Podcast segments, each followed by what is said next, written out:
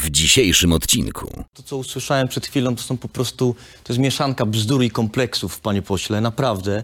Pokazaliście przez 8 ostatnich lat, jak wygląda wasza polityka, a w zasadzie brak polityki zagranicznej i międzynarodowej. Byliście po prostu kompletnie e, niemi, nie, nie, nie załatwiliście niczego dla Polski, nawet te pieniądze z KPO, które były na stole. Dobry wieczór, jest niedziela, godzina 18, czyli ruszamy z debatą o Polsce. Jesteśmy po święcie niepodległości, no i przed dniu pierwszego posiedzenia dziesiątej kadencji Sejmu, więc za chwilę, jak co tydzień, reprezentanci wszystkich formacji, którzy weszli do tego Sejmu tej kadencji i Kancelaria Prezydenta. Porozmawiamy o tym, jak będzie przebiegał najbliższy, bardzo gorący polityczny tydzień. Startujemy.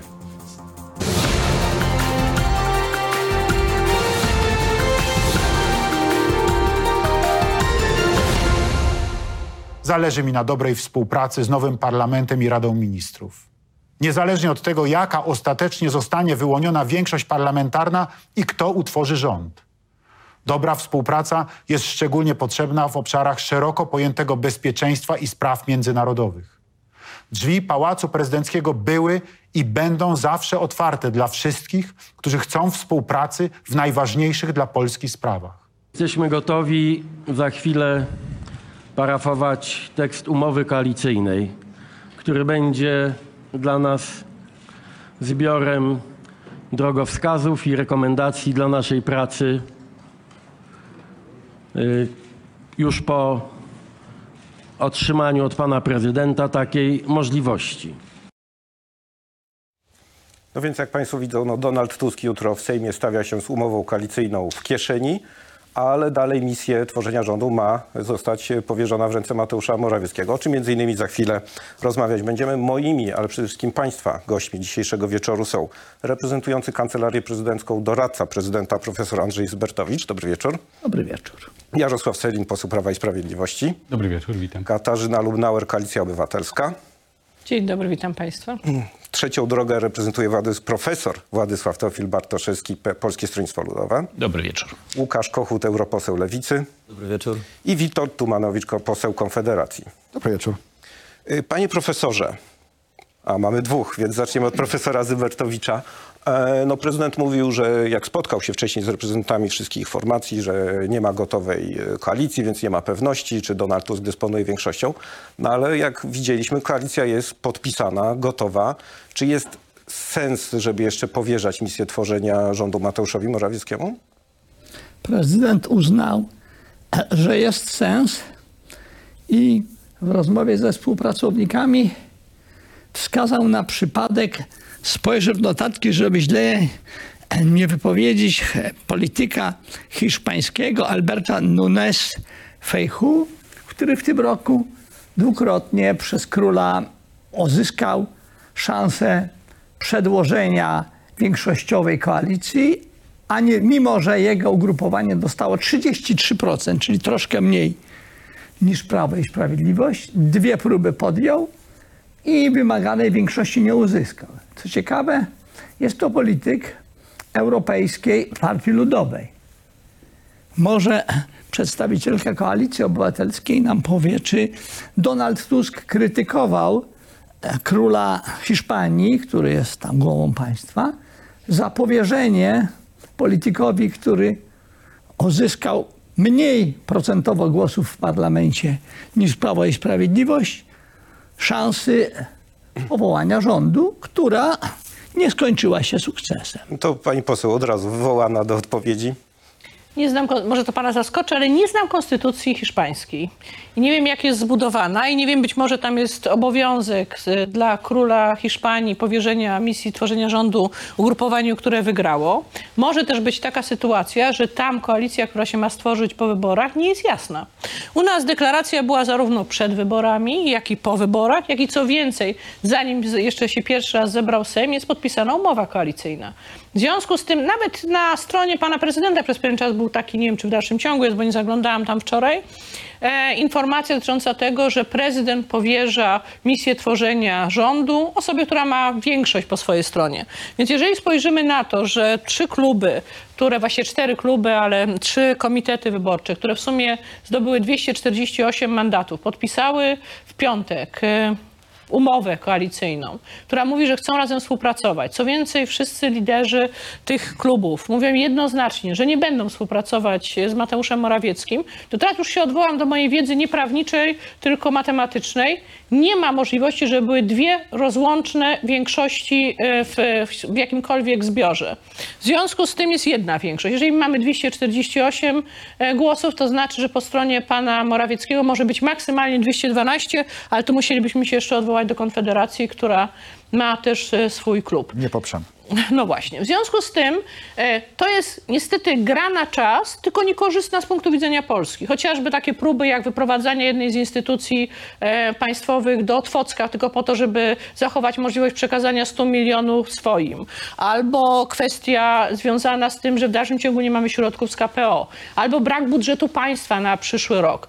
To wszystko Albo są przykłady, które n- dokonuje się transferów pieniędzy, albo mamy przykłady, gdzie się próbuje zmieniać tak umowy w pracy, żeby e, na zasadzie możliwości, to się nazywa braku konkurencji, móc pobierać jeszcze pieniądze przez na przykład 18 miesięcy po e, utraceniu misji i tak dalej. E, Mamy przykłady, w którym ta władza wykorzystuje jeszcze to, że utrzymuje się przy władzy, do tego, żeby działać na korzyść swoją, ale nie na korzyść państwa. I w tym znaczeniu, jeżeli pan prezydent miałby dobro Rzeczpospolitej za najważniejsze, powinien powierzyć misję tworzenia rządu temu ugrupowaniu, które ma po pierwsze szansę stworzyć ten rząd i rząd, który może już rządzić, na przykład przyjmować budżet, e, odzyskać pieniądze z KPO i zablokować wypływy pieniędzy do swoich. To o, od razu. Jedno zdanie. Mam wrażenie, że prezydent dobro Rzeczypospolitej rozumie inaczej niż przedstawiciele środowisk, które podpisały y, tę umowę koalicyjną.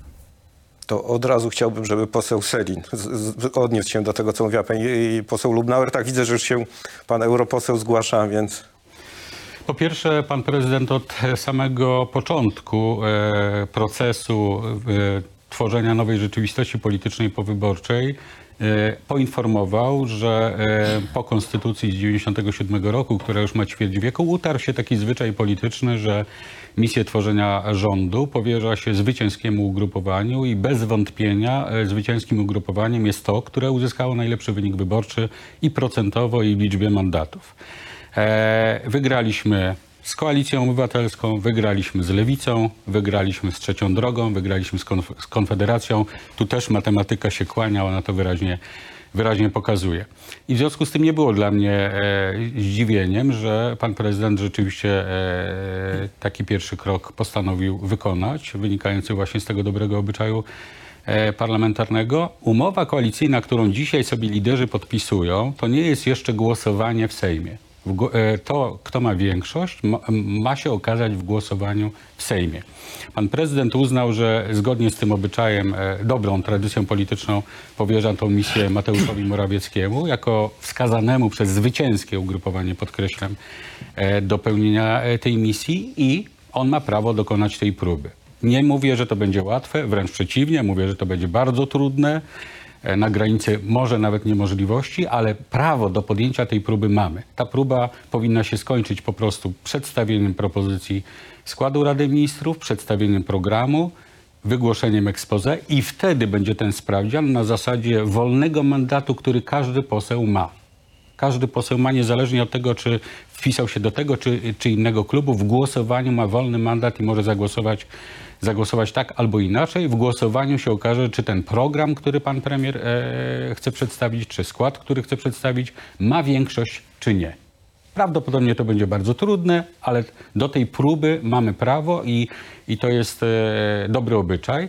E, naprawdę nie, rozumiem, dlaczego e, tak naciskają ci, którzy się umawiają, ale na poziomie na razie liderów, bo jeszcze w głosowaniu tego dowodu na to podkreślam nie mamy. Dopiero jutro będziemy ślubowanie składać, dopiero jutro pierwsze posiedzenie Sejmu, dopiero jutro staniemy się parlamentarzystami e, dziesiątej kadencji, chyba wszyscy jak tu siedzimy, poza panem profesorem.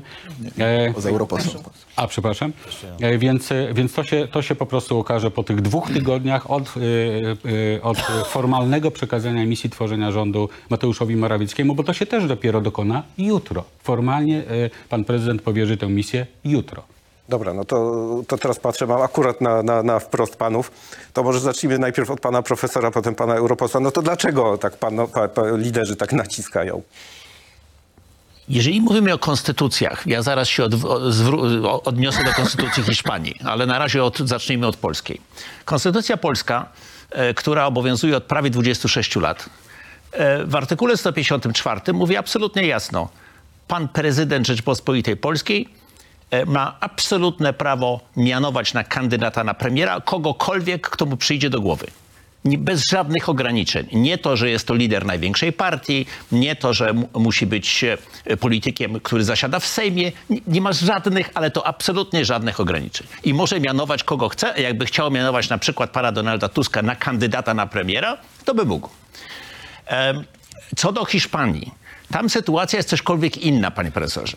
Dlatego, że król Hiszpanii, zdając sobie doskonale sprawę z tego, że lider drugiej partii, największej partii e, w parlamencie hiszpańskim, żeby stworzyć rząd, musi się oprzeć na partiach, które łamały konstytucję Hiszpanii, bo Katalończycy złamali konstytucję Hiszpanii, forsując niekonstytucyjnie, refer- organizując referendum, żeby odseparować Katalonię od, od e, reszty kraju i mają za to zarzuty karne.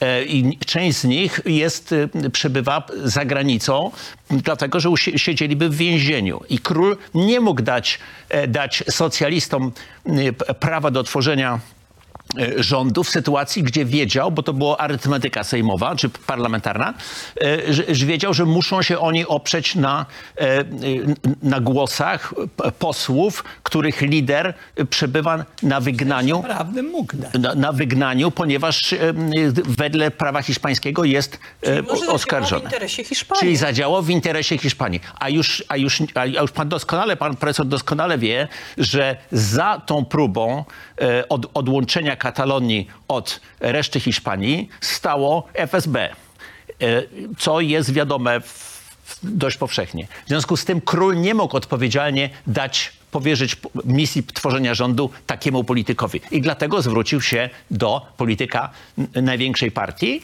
e, który wszakże nie mógł uzyskać również większości. Więc to troszkę jest inna sytuacja. Pan europoseł Kochut.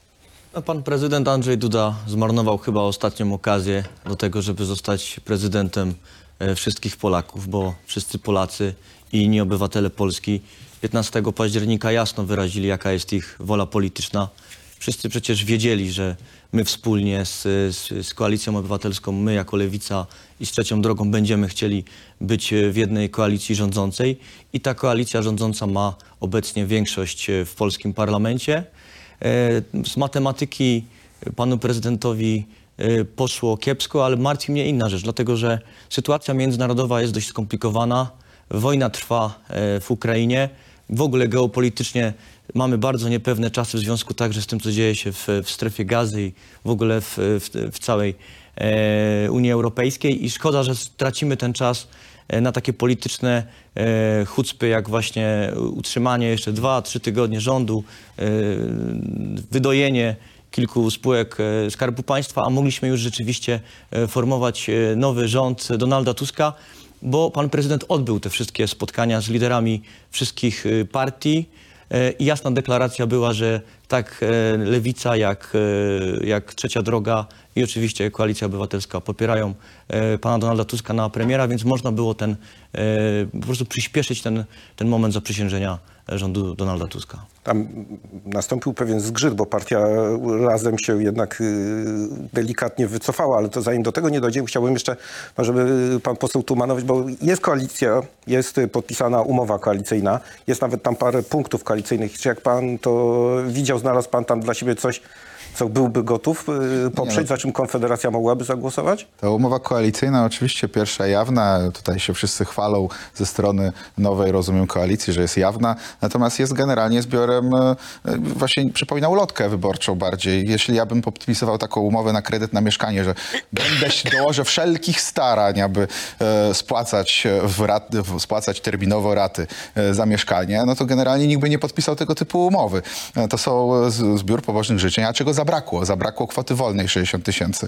E, zabrakło e, dobrowolnego ZUS-u e, dla przedsiębiorców. To są rzeczy, które, o których mowa była w kampanii wyborczej, była mowa w programach wyborczych partii. No ale to też nie dziwne, bo tą koalicję łączy jedynie tylko i wyłącznie to, żeby odsunąć PiS od władzy. Znaczy my jesteśmy w opozycji do, i do rządu Morawieckiego, i do rządu Donalda Tuska będziemy w opozycji. To jest też właśnie bardzo kuriozalna sytuacja, że dwie strony mówią o większości, że mają większość, ale żadna nie ma poparcia Konfederacji, więc tutaj to nawet więcej jest niż e, niemożliwe matematycznie dodatkowo jeszcze. E, Natomiast my będziemy na pewno składać e, tego typu ustawy. Ustawy o dobrowolnym ZUS-ie dla przedsiębiorców, ustawy o kwocie wolnej.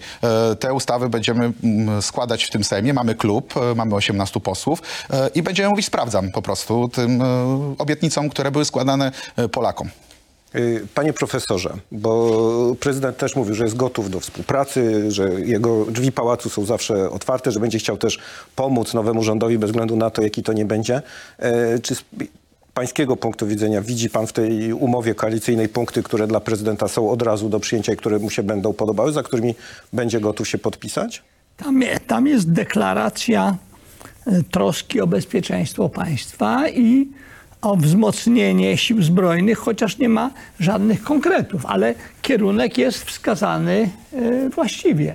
Jeśli za tak określonym kierunkiem pójdą propozycje zmian, to prezydent będzie współpracował. Proszę zwrócić uwagę, że przejawem dobrej woli ze strony prezydenta jest nieobsadzenie dwóch ważnych stanowisk w kierownictwie polskiego wojska, co prezydent mógł zrobić, ale uznał, że lepiej będzie zrobić to w porozumieniu z nowym kierownictwem resortu obrony narodowej. To jest jakby gest prezydencki, otworzenie pola do współpracy, bo to są stanowiska, które są jakby konsensualnie o, obsadzane. I jak? To jest y, gest, który się państwu podobał? Już się tu poseł Kochut zgłasza do... Mam nadzieję, że dla nas e, z perspektywy też polityki europejskiej i funduszy europejskich naprawdę pan prezydent nie będzie stawał okoniem w kontekście pieniędzy z KPO, dlatego że to jest absolutnie priorytet, który powinniśmy jak najszybciej e, wdrożyć w życie, bo e, te pieniądze wymagają wydania ich do 2026 roku i wiem z, z tych e, kuluarowych rozmów e, w Parlamencie Europejskim, że jest po prostu wola polityczna, żeby te pieniądze jak najszybciej e, trafiły do Polski zaraz po tym, jak rząd rząd Donalda Tuska zostanie zaprzysiężony i rozpoczną się, rozpocznie się spełnianie poszczególnych kamieni milowych. Mam nadzieję, że tutaj pan prezydent nie będzie się sprzeciwstawiał temu.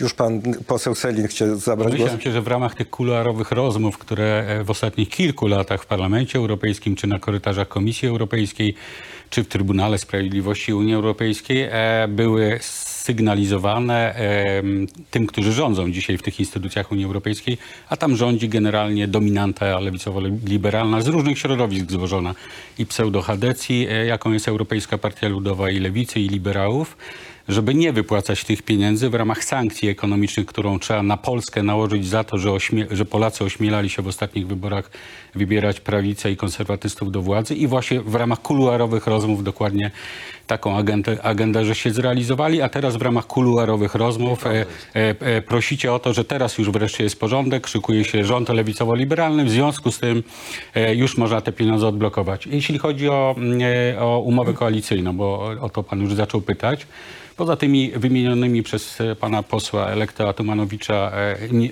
niespełnionymi już widać w tej umowie koalicyjnej obietnicami, no zwrócę uwagę na to, że te trzy wielkie komitety opozycyjne, za którymi się kryje chyba 10 partii, e, szły z takimi trzema wielkimi workami pełnymi prezentów, kokietowali e, opinię publiczną i elek- elektoraty właśnie tymi workami pełnymi prezentów, a potem po wyborach z tych worków wyciągnęli pojedyncze rzeczy e, na, na zasadzie pewnych ogólników, bez żadnych wyliczeń, bez żadnych konkretów i zrobili taką umowę, którą się tak czyta na zasadzie właśnie e, ani nie wiadomo kiedy, ani za ile, ani jak, tylko, e, tylko po prostu takie właśnie ulotka wyborcza, jak to pan e, poseł Elek świe- świetnie określił, że to wygląda trochę jak ulotka wyborcza. Z konkretów ja tam widzę dwie rzeczy, które moim zdaniem są skandalem po prostu, mianowicie likwidacja CBA, co mnie nie dziwi, dlatego że na czele tego rządu ma sta- stanąć polityk, który w swojej partii miał wychowanka, bardzo bliskiego, najbliższego politycznego wychowanka e,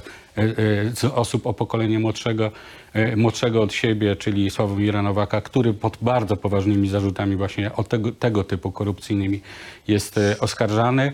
I to w Ukrainie, która, e, biednej Ukrainie, która właściwie musiała się przygotowywać do wojny, a a e, prawdopodobnie była, e, bo takie są zarzuty prokuratury, okradana z pieniędzy, które jej się przynależały. Wsadził na trzecie stanowisko w państwie em, polityka, który kryje się od 700, la, sie- 700 dni, przepraszam, za immunitetem, a jest p- pod bardzo poważnymi korupcyjnymi oskarżeniami e, z imienia i nazwiska przez wie, bardzo wielu ludzi z zachodniego Pomorza e, oskarżany.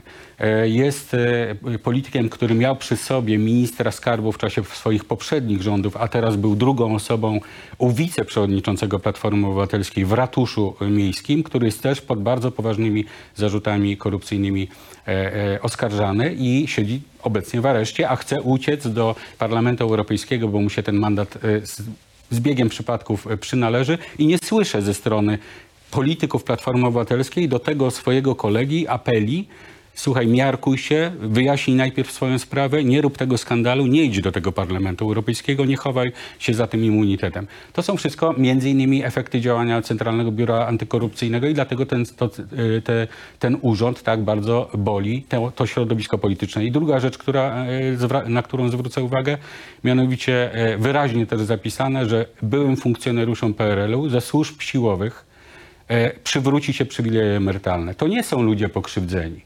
Ich krzywda polega na tym, że, że uznano, że oni powinni mieć emerytury na, do wysokości średniej krajowej, czyli tych Polaków, którzy, którzy całe życie uczciwie pracowali i mają pewną średnią krajową tak, emerytury. I oni uważają, ci, którzy w służbach e, przy, e, pracowali i zwalczali niepodległościowe i wolnościowe aspiracje Polaków i ich prześladowali, oni uważają, że średnia krajowa emerytura to jest dla nich niesłychana krzywda i umowa koalicyjna zawiera postulat, że przywróci się im przywileje.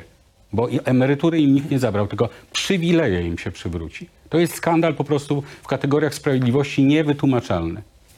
Już pani poseł Lubnauer podejrzewam, że się zechce do tego odnieść od razu. Tak, po pierwsze realizujemy swoje zobowiązania. Również zobowiązaliśmy się w stosunku do mm, funkcjonariuszy, którzy pracowali bardzo często potem długi czas w policji czy w wojsku, już po, po czasach PRL-u.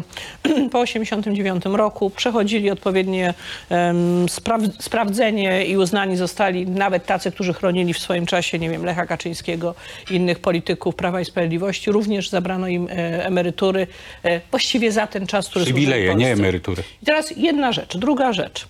E, Nasza umowa so- zawiera mm, in, informacji, informuje również, że jest wyraźnie zapis dotyczący tego, że może być zwolnienie z e, ubezpieczeń społecznych, czyli z ZUS-u e, w sytuacji, w pewnych sytuacjach i to będzie, my proponowaliśmy to w postaci tak zwanego urlopu dla małych przedsiębiorców. Gwiazdki takie, Czy mogę, gwiazdki. przepraszam bardzo, ja, staramy się tutaj sobie nie przeszkadzać wzajemnie. PSL proponował, żeby to było ten dobrowolny ZUS, ale też to było w sytuacji kłopotów przedsiębiorstw, to było bardzo jasno napisane. E, natomiast w związku z tym realizujemy to, do czego się zobowiązaliśmy. Zobowiązaliśmy się również do podwyżek dla sfery budżetowej, dla nauczycieli. Też będziemy to realizować, utrzymania wszystkich programów społecznych Prawa i Sprawiedliwości. E, porozumienie z natury rzeczy, ja bym chciała zobaczyć kiedykolwiek to porozumienie, które zawarły między sobą e, ugrupowania, które tworzą obecną koalicję, czyli Suwerenna Polska z PiSem. Zauważmy, że to, co nam przeciekało, to głównie mówiło o tym, jak podzielimy między siebie stanowiska i kasę, że na przykład e, MCBR będzie własnością jednego ugrupowania, w wyniku czego była afera, ponieważ okazało się, że 170 na przykład milionów mogła dostać jedna e, ze spółek, gdyby nie interwencje e, czwartej władzy, jakimi są niewątpliwie dziennikarze i e, śledczych, czyli panu Siońskiego i Szczerby z Koalicji Obywatelskiej. Natomiast zauważmy jedną rzecz. Wy zrobiliście po rządach Donalda Tuska audyt. Ja pamiętam ten audyt, była mowa, ile tutaj zauważyliście nieprawidłowości po czym okazało się, że nikt nie stanął nawet przed sądem. Mimo tego, że przez 8 lat mieliście swoją prokuraturę, gdzie palcem pokazywał prokurator generalny i minister sprawiedliwości, kogo ścigać, a kogo nie ścigać. Ale nie rozstrzygnęliście również spraw takich jak e, maseczki, które przywoziliście masowo z Chin i okazywały się potem, zapłaciliśmy ogromne pieniądze, się okazywały nie nadające się do użytku. E, Teraz mamy NIK e, i bardzo jasno mówi o nieprawidłowościach przy budowie tymczasowych szpitali. Mieliśmy szereg afer, która żadna nie była wyjaśniona, ponieważ to, na czym wam najbardziej zależało, jeśli chodzi o, bez, o, jeśli chodzi o praworządność, to na bezkarności waszych polityków. Po prostu mieliście być nietykalni. I przez tą nietykalność waszych polityków zapłaciliśmy tym, że nie mamy środków z KPO, z których moglibyśmy już korzystać od ponad 900 dni, bo mniej więcej tyle dostawały pierwsze kraje zaliczki, tyle temu dostawały pierwsze kraje zaliczki. W związku z tym wy nie mówcie nic o sprawiedliwości i uczciwości. Nie mówcie również nic o tym, o CBA, który jest tak polityczną służbą, że rzeczywiście ich zadania trzeba przenieść do policji, natomiast sama służba została skrajnie upolityczniona. A człowiek, który odpowiadał za służby, Kamiński, przypomnę, że niedługo będzie miał drugą rozprawę, bo w pierwszym wyroku sądu był skazany i ułaskawił go pan prezydent, zanim miał prawomocny wyrok. W związku z tym zdajmy sobie sprawę z jednej rzeczy. Będą rozliczenia, ponieważ muszą być rozliczenia. Istotny to rozdział nie waszej może być tak. tak, nie może być tak, żeby Villa Plus poszła bez echa, żeby maseczki poszły bez echa, żeby y, ty, szpitale tymczasowe takie, że ani jeden pacjent nie był, a wyszło, że w tych, których był, 50 tysięcy kosztowało leczenie jednego pacjenta, bo takich było tam mało, a za takie ogromne pieniądze były zbudowane. Mieliśmy więcej szpitali tymczasowych niż cały, cała Unia Europejska poza Polską. Takie marnotrawstwo. Czasami zbudowany dodatkowy budynek, mimo tego, że były wolne miejsca w szpitalach, które funkcjonowały albo w nowo budowanych, albo w szpitalach, które funkcjonowały na danym terenie. To jest przypadek na przykład Wrocławia. Prokuratura tym się nie zajmowała. Dlaczego? Bo była zapewniona całkowita bezkarność dla swoich. I koniec tej bezkarności. Zmieniła się władza, więc jest koniec bezkarności. Najwyższy czas, żeby prokuratura mogła działać, najwyższy czas, żeby mogły być służby niezależne politycznie, które będą badać te sprawy, i najwyższy czas, żeby nie było tak, że jest parasol ochronny nad politykami władzy. Kiedy Tusk został premierem po raz pierwszy, nie zmienił szefa służb. Dalej nim był Kamiński, bo wychodził z założenia, że służby nie muszą być podległe e, rządzącym.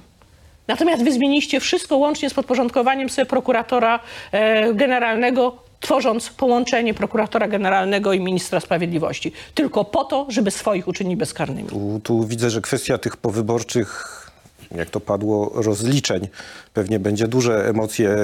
Znaczy, Ja jestem trochę w takiej trudnej sytuacji, bo państwo yy, już z gotową koalicją de facto mówicie jednym głosem. Ja bym też chciał, że skoro został wywołany ten temat, to zastanawiam się, jak Konfederacja będzie się zachowywała w tej sytuacji. Yy, czy zechcecie po którejś ze stronie stać, czy też patrzeć z boku na, te, na to, co usłyszeliśmy przed chwilą? Nie będziemy patrzeć z boku, będziemy patrzeć e, w Sejmie na ręce tym, którzy stworzą e, większość rządową. Jesteśmy w opozycji, e, tak deklarowaliśmy, że jesteśmy w opozycji zarówno do rządu Morawieckiego, który rozumiem jutro e, mo- może mieć szansę na to, żeby prze- żeby przestać funkcjonować, bo musi złożyć dymisję. Oczywiście jeszcze funkcjonuje do powołania kolejnego, no ale jest to zasada konstytucyjna. Natomiast tutaj przysłuchuję się z dużym zaskoczeniem co do tego na przykład jak e, jest mowa o tym marnotrawstwie podczas, COVID-u, tej polityce katastrofalnej covidowej. Ja przypominam, że e, w porozumieniu wszystkie cztery e, ugrupowania głosowały za, za tymi właśnie ustawami. Także Koalicja Obywatelska tymi, no, tym to po prostu szaleńczą polityką, która teraz właśnie w raporcie NIK została tak mocno obnażona. Te wszystkie rzeczy były po prostu za przyzwoleniem wszystkich oprócz Konfederacji właśnie w tym poprzednim Sejmie. E, jeśli chodzi o KPO, to myśmy też ostrzegali z kolei e, Prawo i Sprawiedliwość. Ostrzegaliśmy, że ten dług Przecież większość część tych pieniędzy to jest po prostu zwykły, zwykły dług. E, To jest, e, to będzie sytuacja, w której wy sprzedajecie suwerenność za pieniądze, których nawet nie dostaniecie. Znaczy, sprzedaliście, e, mieliście do wyboru zachować suwerenność albo otrzymać pieniądze. I parafrazując Churchilla, e, sprzedaliście suwerenność, a pieniędzy nie dostaliście. I to jest sytuacja, w której, w której my to mówiliśmy. My to mówiliśmy. Ignorowaliście nasze ostrzeżenia. E, tak ochoczo podpisaliście różne umowy dotyczące e, Fit for 55, e, kamieni milowych, tego, że przyszły, od przyszłego roku Polacy zapłacą podatki za e, posiadanie samochodów spalinowych. Wszystkie te rzeczy, te europodatki, na które się zobowiązaliście, wasz rząd E, Tak naprawdę właściwie tak na, e, będzie właśnie Morawiecki z Tuskiem będą się teraz ścigać tak naprawdę na to, kto będzie bardziej posłusznym politykiem wobec Unii Europejskiej. I tego Polacy e, będą doświadczać w najbliższym czasie. A Konfederacja jest właśnie od tego w tym Sejmie, żeby to obnażać. Tu życzyłem na zdrowie panu profesorowi i może pan poseł Selin zechce się do tego odnieść. Ja y, pociągnę wątek, który pan e, poseł Elekt e, zaproponował. W najbliższym czasie spór będzie dotyczył zupełnie innej rzeczy. Mianowicie 22 listopada będzie sprawdzian w Europarlamencie, jakie jest stanowisko poszczególnych ugrupowań reprezentowanych w polskim Sejmie i mających swoje reprezentacje w Parlamencie Europejskim w sprawie propozycji niemiecko-francuskiej, ekspertów niemiecko-francuskich, która przekuła się w propozycję Komisji Konstytucyjnej Parlamentu Europejskiego i teraz będzie właśnie e, głosowana w Parlamencie Europejskim w sprawie daleko idącego ograniczenia, a nawet może likwidacji suwerenności i niepodległości państw narodowych Unii Europejskiej. W bardzo wielu obszarach to ogra- ograniczenie ma nastąpić. I my uważamy, że teraz wokół tej sprawy tak naprawdę będzie się e, konstytuować główny podział polityczny również w Polsce i myślę, że w wielu innych e, krajach europejskich. I to, I to będzie wielki sprawdzian, bo moim zdaniem e, te propozycje idą tak daleko, że tak naprawdę to, czym się wczoraj cieszyliśmy, 105. rocznica odzyskania przez Polskę niepodległości, z których to 105 lat tylko 55 lat byliśmy niepodległym krajem, a 50 niestety nie, bo tak się nasza historia w XX wieku potoczyła, że będzie można postawić pytanie, kto jest za utrzymaniem polskiej suwerenności i niepodległości, a kto uważa, że trzeba z niej po prostu rezygnować. W imię jakiegoś e, no, dosyć szaleńczego projektu ideologicznego, który, e, za, którym, e, za którym to projektem właśnie ideologicznym stoją, stoją te propozycje, ale też geopolitycznego, bo tak naprawdę przecież już całkiem jawnie na przykład politycy niemieccy, kanclerz Niemiec w słynnym przemówieniu praskim mówią o tym, że Europa powinna być e, administrowana, czy zarządzana, czy kierowana, czy powinna być pod przywództwem Niemiec, bo to przywództwo się Niemcom jak najbardziej należy. I jeszcze druga sprawa z tym się wiążąca, też e, e, można to dosyć wprost wyczytać w tych wypowiedziach i w tych propozycjach, że na przykład pomysł budowania armii europejskiej ma być pomysłem, który ma pomóc w marzeniach niemieckich i francuskich, które są od, od lat dosyć jawnie em, e, eksplikowane, żeby, żeby pomóc wypchnąć Stany Zjednoczone z Europy, że Europą to my się będziemy zajmować, a Stany niech się zajmują innymi regionami świata. To wszystko jest sprzeczne z polskim interesem narodowym i będzie wielki sprawdzian, jakie stanowisko wobec e, tych propozycji mają poszczególne ugrupowania w Polsce i tu będzie moim zdaniem najgrubszy podział w, przeciągu najbliższych kilku lat. No, nasi profesorowie nie mieli okazji dawno się powiedzieć, no ale skoro padła kwestia Parlamentu Europejskiego, no to już się europoseł zgłasza do odpowiedzi. Co to się będzie działo tego 22? Do odpowiedzi, bo to, co usłyszałem przed chwilą, to są po prostu, to jest mieszanka bzdur i kompleksów, panie pośle, naprawdę. Pokazaliście przez 8 ostatnich lat, jak wygląda wasza polityka, a w zasadzie brak polityki zagranicznej i międzynarodowej. Byliście po prostu kompletnie e, niemi, nie, nie, nie załatwiliście niczego dla Polski, nawet te pieniądze z KPO, które były na stole. Mówiłem, nie zrobiliście naprawdę nic. Ja w sprawie rozporządzenia metanowego z innymi europosłami opozycji zrobiłem robotę za was. Wasze europosłanki przyszły na kolanach, żeby w ostatnim etapie negocjacji w Parlamencie Europejskim pomóc. Niech pan o tym przeczyta. Rozporządzenie metanowe. Jak pan wpisać w Google. 22 listopada? Niech mnie pan teraz posłucha. Panie, e, panie pośle, Polacy są Europejczykami, mają wszelkie prawa do tego, żeby Unię Europejską zmieniać, y, rozbudowywać. Unia Europejska to nie jest projekt e, zamknięty, skończony. Czeka nas ogromna em, zmiana, jeśli chodzi o kolejne rozszerzenia, choćby właśnie o Ukrainę, Mołdawię, państwa bałkańskie i czeka nas także reforma e, Unii Europejskiej. Na, nie ma na razie na to zgody, bo 13 państw jest przeciwnych e, zmianie traktatów, ale trzeba o tym rozmawiać, trzeba siedzieć przy głównym stole Polska jest piątym największym krajem Unii Europejskiej. Po tych wyborach 15 października, proszę mi wierzyć, nawet wasi e, koledzy z frakcji, e, włoscy e, konserwatyści przychodzili z gratulacjami. Polska wróciła do Europy, ma wszelkie e, teraz e, narzędzia do tego, żeby w końcu rozmawiać o przyszłości Europy, bo, bo my naprawdę są jesteśmy konkretne propozycje na stole. Jak Unii pan zagłosuje? To, co, o czym pan powiedział, o tym, o polityce obronnej i polityce zagranicznej, wspólnej polityce obronnej y, Unii Europejskiej, po prostu straszycie Pola, Polaków i obywateli Polski. To nie chodzi o to, że będzie jedna armia europejska i wszystkich żołnierzy wrzucimy do jednego kotła. To chodzi o y, takie szybkie siły reagowania, żeby powstała taka jednostka, żebyśmy koordynowali pewne zachowania y, wszystkich armii państw narodowych. Po co? Po to, że na przykład w momencie, kiedy na urzędzie prezydenta e, Stanów Zjedno- Zjednoczonych zasiądzie izolacjonista, żebyśmy mieli po prostu jakąś koordynację działań. Dlatego, że żyjemy w bardzo niepewnych czasach. Ameryka jest daleko. Oczywiście to jest nasz główny sojusznik. To jest ważne, żeby Polska też w NATO wiele ważyła, ale musimy być- być przygotowani na taki scenariusz, gdzie Amerykanie nie będą chcieli się e, na przykład angażować w Ukrainę, bo na przykład wydarzy się coś na Dalekim Wschodzie czy na Bliskim Wschodzie. I my tylko i wyłącznie dlatego chcemy tą Unię zacieśniać, ale Polska ma wszelkie predyspozycje i prawa do tego, żeby tą nową Unię Europejską współtworzyć. Ja jestem za tym, żeby w takich momentach oczywiście e, tą e, integrację europejską wzmacniać, bo to nie jest projekt skończony. Może na pana pytanie odpowie pan europoseł Kochut. Jak będzie głosował 22 Będę głosował za tym, będę głosował za tym. Jest Za propozycjami Komisji Konstytucyjnej Tak, Parlamentu komis- Europejskiego. Bo ta, bo, Jasne. bo ta komisja e, konstytucyjna e, Wystarczy. Parlamentu Europejskiego to jest efekt konferencji o przyszłości Europy, którą oczywiście e, rząd Prawa i Sprawiedliwości pokpił. Spotykali się przez rok przedstawiciele różnych NGO-sów, stowarzyszeń, przedstawicieli parlamentów krajowych i była dyskusja o tym, jak powinna wyglądać Unia Europejska za 10 lat, więc w perspektywie 10 lat my musimy tą Unię Europejską wzmacniać. Panu bardzo dziękuję, bo to jest odważna deklaracja jest i pierwszy raz słyszę od Deklaracja europosła... prawdziwa. Tak, i jestem panu bardzo za to na- wdzięczny. na naszej opozycyjnej Naprawdę, jestem panu stronie bardzo za to wdzięczny, dyskusja jest dopiero bo na przykład. Donald Tusk, którego szykujecie na musimy- premiera, mówi, że propozycje za daleko Zawłaszczyliście- idące, trzeba się zastanowić. Pan mówi, żeby pan za tym zagłosuje, bardzo dziękuję, to 8 ważna, lat ważna deklaracja. Polaków. My najpierw chcemy przeprowadzić edukację o Europie, bo to, co się działo w ciągu ostatnich 8 lat, to była jedna wielka propaganda antyeuropejska, zgodna z linią Kremla. My musimy e, wrócić do normalnej dyskusji o Europie i, i rozmowy z Polakami. I ja sobie wyobrażam, że taka konferencja o przyszłości Unii Europejskiej w Polsce się będzie odbywała wspólnie, wszystkie partie opozycyjne, a w przyszłości rządowe będą ten temat przeprowadzać, bo to jest ważne, żeby Polacy byli włączeni w te zmiany, które nas czekają w Unii Europejskiej. Ja, ja już kiwałem głową w kierunku pani poseł Lubnauer, ale tak jak powiedziałem, no ja też muszę pilnować, żeby się wszyscy zdążyli wypowiedzieć.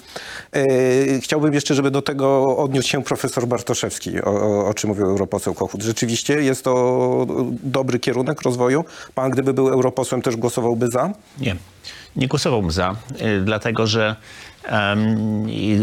ja mam peł, pełną świadomość tego, że to, co robi kom- komitet, komisja konstytucyjna, y, to jest pierwszy krok y, do dyskusji.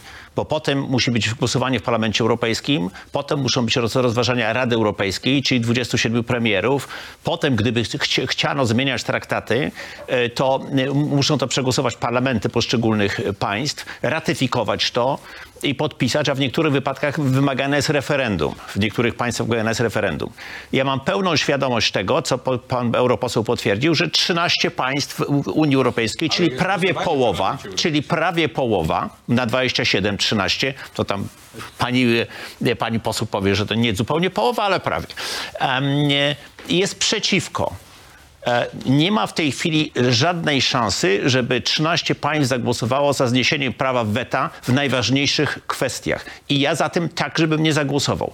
Ja jestem za stworzeniem armii europejskiej, dlatego że powinniśmy się zbroić. Ja jestem za tym, e, do czego nawołują generałowie e, NATO. Byłem na konferencji w Warszawie, której główny generał właśnie mówił o tym, żeby przestawić nasze gospodarki na tryb wojenny, dlatego że nie jesteśmy w stanie się bronić. Jak ma Bundeswehra przejąć odpowiedzialność za obronę y, y, członków y, na- NATO w Europie, jak e, nie jest w stanie wystawić jednej brygady, która miała być na Litwie i nie będzie stworzona w najlepszym razie w 26 roku, jeżeli i to, i to będą uzbrojenie zabrane Niemcom po to, żeby dać Litwinom. To są fikcje fikcję. Y, Szef sztabu generalnego Francji, generał e, Thi- Thierry- Burkhardt powiedział w, w Zgromadzeniu Narodowym Francji, że gdyby Francja miała wojnę taką jak Ukraina w tej chwili, czyli wojnę konwencjonalną w starym stylu, to byliby w stanie się bronić przez cztery tygodnie, a w maju 1940 roku bronili się przez sześć. Nie mamy żadnej szansy. Musimy się dozbroić, musimy e, rzeczywiście, bo jest sytuacja, że nie wiadomo jak, jak szybko Amerykanie przyjdą nam z pomocą w razie zagrożenia wojennego i, i ja jestem za tym, że była armia europejska. Zresztą mówił o tym w swoim czasie pan prezes Jarosław Kaczyński, który też był za tym. I to jest oczywiste, ale prawa weta się nie pozbędziemy, dlatego że polityka zagraniczna Niemiec i, Fra- Niemiec i Francji w ostatnich 20 latach była taka, że gdybyśmy się, gdybyśmy nie było tego weta, to byśmy byli w, katastrofalnej sytuacji. Nie, nasze ugrupowanie z całą pewnością za zniesieniem prawa weta nie zagłosuje. Takich nie zagłosują parlamentarzyści 10, 9, 12 innych państw. Panie redaktorze, ja tylko zwrócę uwagę jedno zdanie na to, że potwierdza się to, co przed chwilą powiedziałem, że będą się tworzyć w Polsce nowe podziały polityczne. Państwo się umawiają do współpracy na poziomie rządowym dzisiaj w Polsce, trzy komitety wyborcze, ale proszę zwrócić uwagę, w tej sprawie, moim zdaniem najważniejszej, która jest w najbliższych miesiącach i latach w Polsce i w całej Unii Europejskiej, przedstawiciel jednego komitetu, który się umawia do współrządzenia, mówi, że zagłosowałby za, a drugiego, że przeciw. W tej tak ważnej sprawie w Parlamencie Europejskim 22 listopada. To jest bardzo ciekawa sytuacja i warto ją obserwować. Tu ja mam ten problem, że... Przepraszam, bo, bo teraz wszyscy się... Przepraszam, potrzebna, ale pan Donald Tusk słusznie mówi, że, Już, trzeba... już miałem nadzieję, że nie będę. Dorobiłem się dzwonka, wcześniej musiałem robić dzyń, dzyń, dzyń. Wydawało mi się, że będę mógł wam powiedzieć, państwu powiedzieć, że super, że nie musiałem użyć, ale będę musiał. Raz na jakiś czas będę musiał użyć. Bo musimy trochę uspokoić.